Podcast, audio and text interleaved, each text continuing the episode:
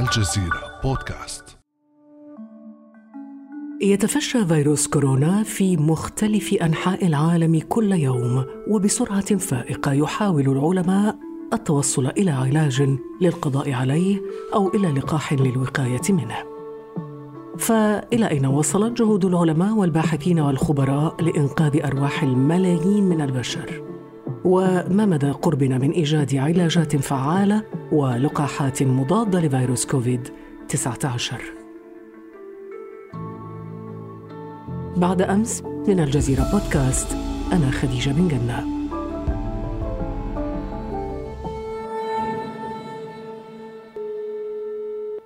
معنا اليوم بروفيسور جاك مخباط المتخصص في الأمراض الجرثومية والمعدية. أهلا بك بروفيسور جاك. أهلا وسهلا. دكتور جاك قبل أيام أكد الرئيس الأمريكي دونالد ترامب أن أحد أقدم وأشهر الأدوية المضادة للملاريا تمت الموافقة عليها في الولايات المتحدة كعلاج من فيروس كورونا.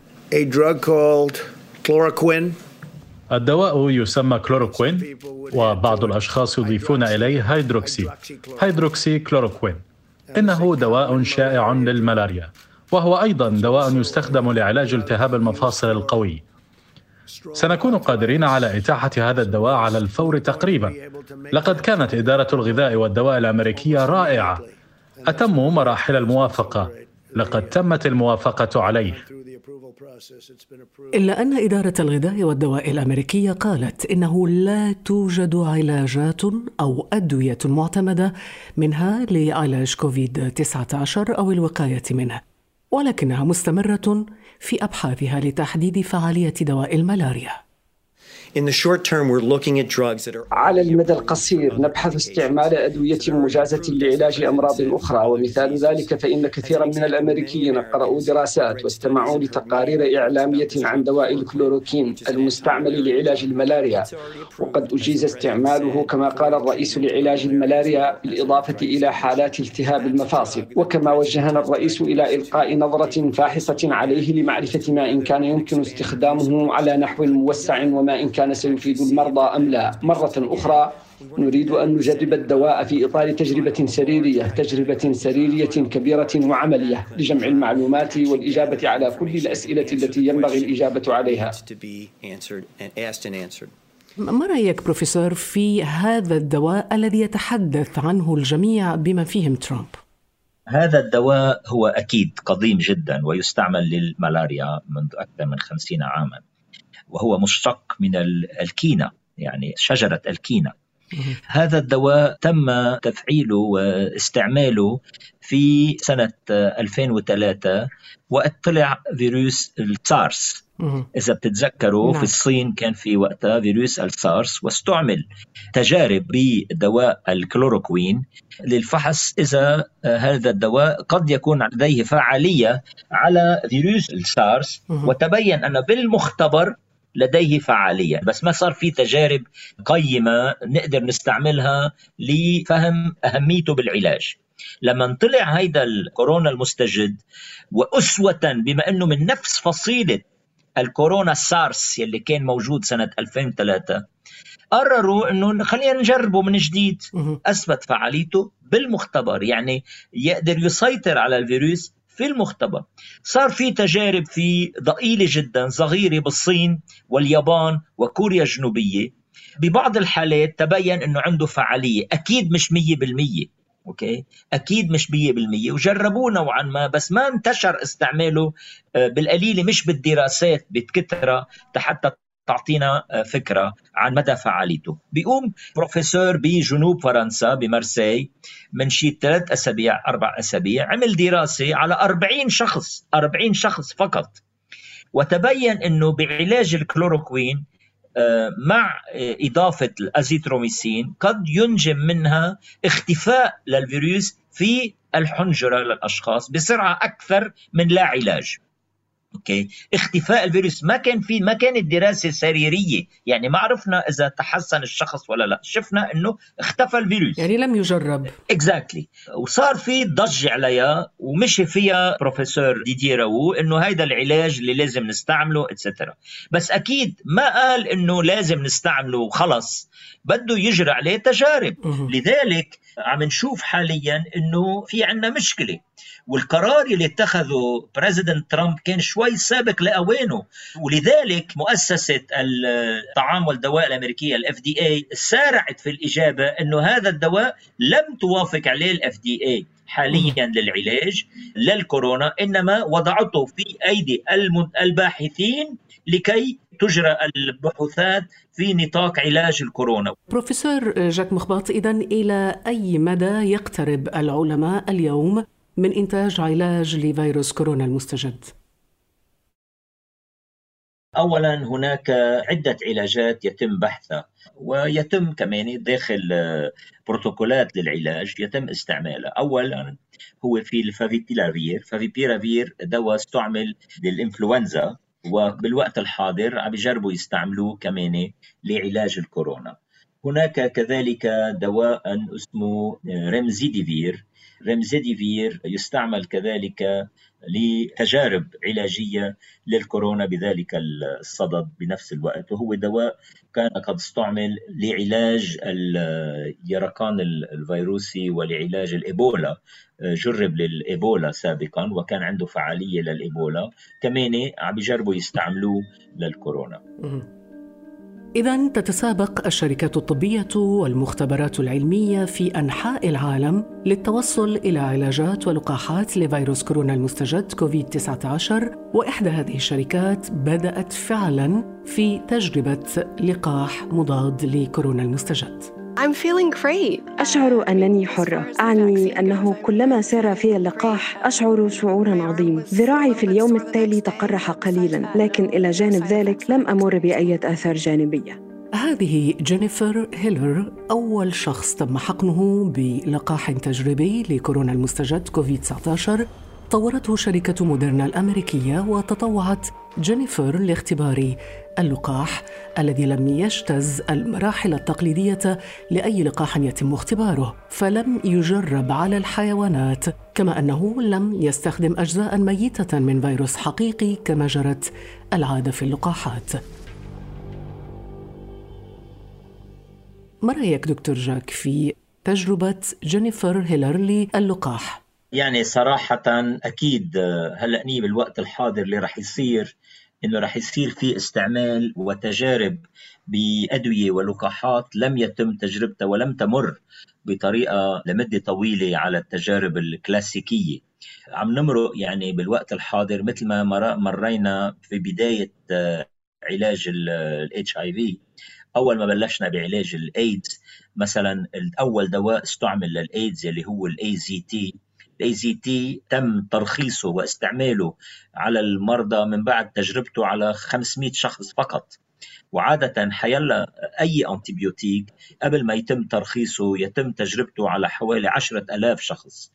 من بعد أكيد ما يمر على الحيوان وإلى ذلك. هون عم نجرب لقاح. هلأ هذا اللقاح المستجد يلي بلش من أسبوع تقريبا الاثنين السابق بلش تجربته في منطقة سياتل ورح يبلشوا كمان يجربوا بنيويورك. كذلك الأمر.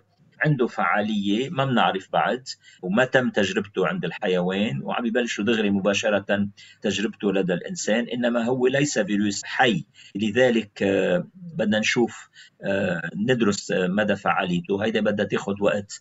أنا برأيي ما رح يكون عندنا بسرعة جواب بالنسبة للقاح يعني مش قبل ثلاثة أشهر تنبلش نشوف إذا في أي تفاعل وأكيد حتى يصير له وجود وتسويق ويكون موجود بعدة أنحاء العالم. بدنا ننتظر على مرحلة لا تقل بين الست أشهر حتى نقول سنة. لأن أول ما راح يتصنع تنقول برهنوا على فعاليته بعد ثلاثة أشهر. ما راح نشوف إنه عنده آه, آه، يعني شتاء شتاء العام المقبل مثلا؟ إن الله راد إن الله راد إن الله طب ما الذي يعرضنا آه، دكتور جاك؟ ما الذي يعني يعرضنا له خروج لقاح دون المرور بمراحل التجريب المعتادة والتي شرحتها لنا الآن اللقاح الغير الفعال قد ينجم منه اولا إحساس بالراحة أو الاحساس إنه أنا محمي نعم. وهو ما يكون في حماية مم. والشخص يترك الوقاية الصحيحة مم. ويعود إلى حياته الطبيعية عند ذلك الوقت يعرض نفسه ويعرض غيره للإصابة مم. ثانيا اللقاح الغير الفعال أو أو حتى اللقاح الفعال قد ينتج منه سمية. هلا نيه أنا مستعد أقبل إنه يكون في تنقول 1% سمية 1% آه، خطر إذا كان اللقاح 100% فعال. وإذا 1% أصيب تفاعلات ثانوية من اللقاح ما عندي مشكلة. مستعد أقبلها ك... على أساس الصحة العامة. بس آه، إذا كان واحد بالمية عنده سمية والدواء غير فعال.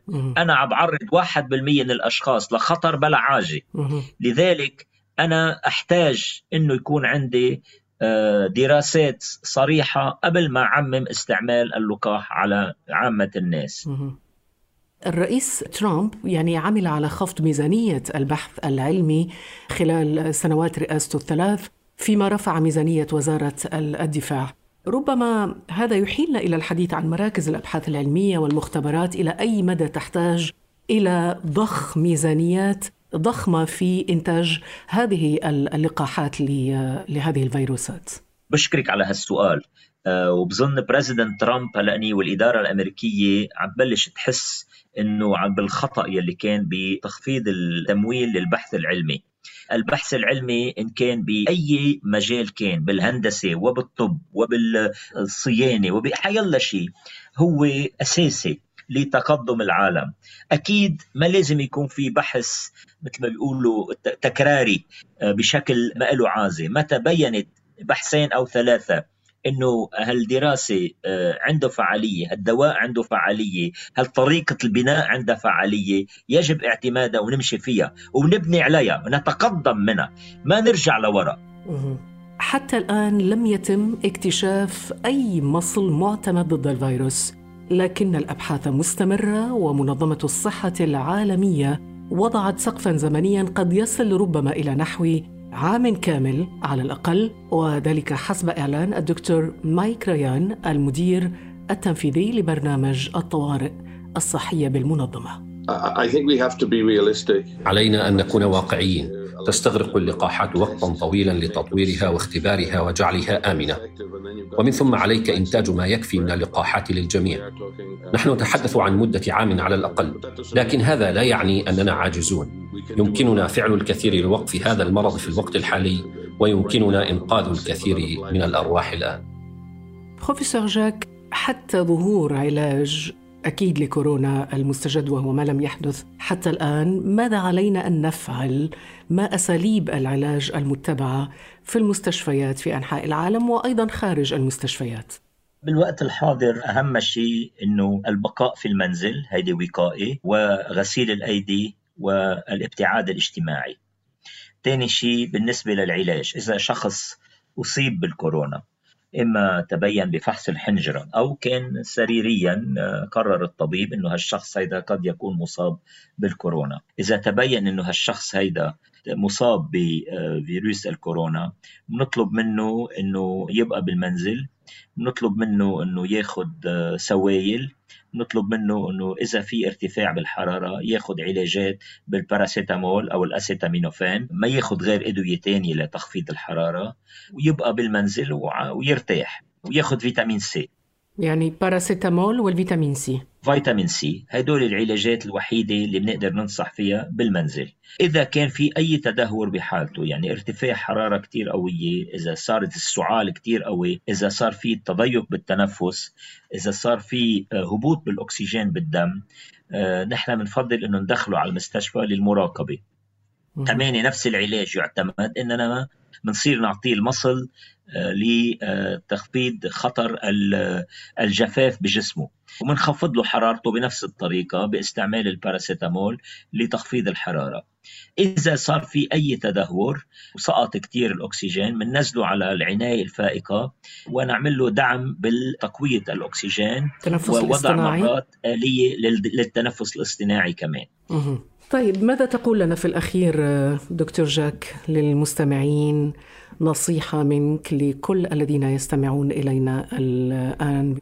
أهم شيء أنه يلتزموا بالحجر المنزلي. هيدي أهم شغلة. وبرهنوها الصينيين على مدى فعاليتها أوكي؟ أنا بنصح الكل أنه يلتزموا فيها.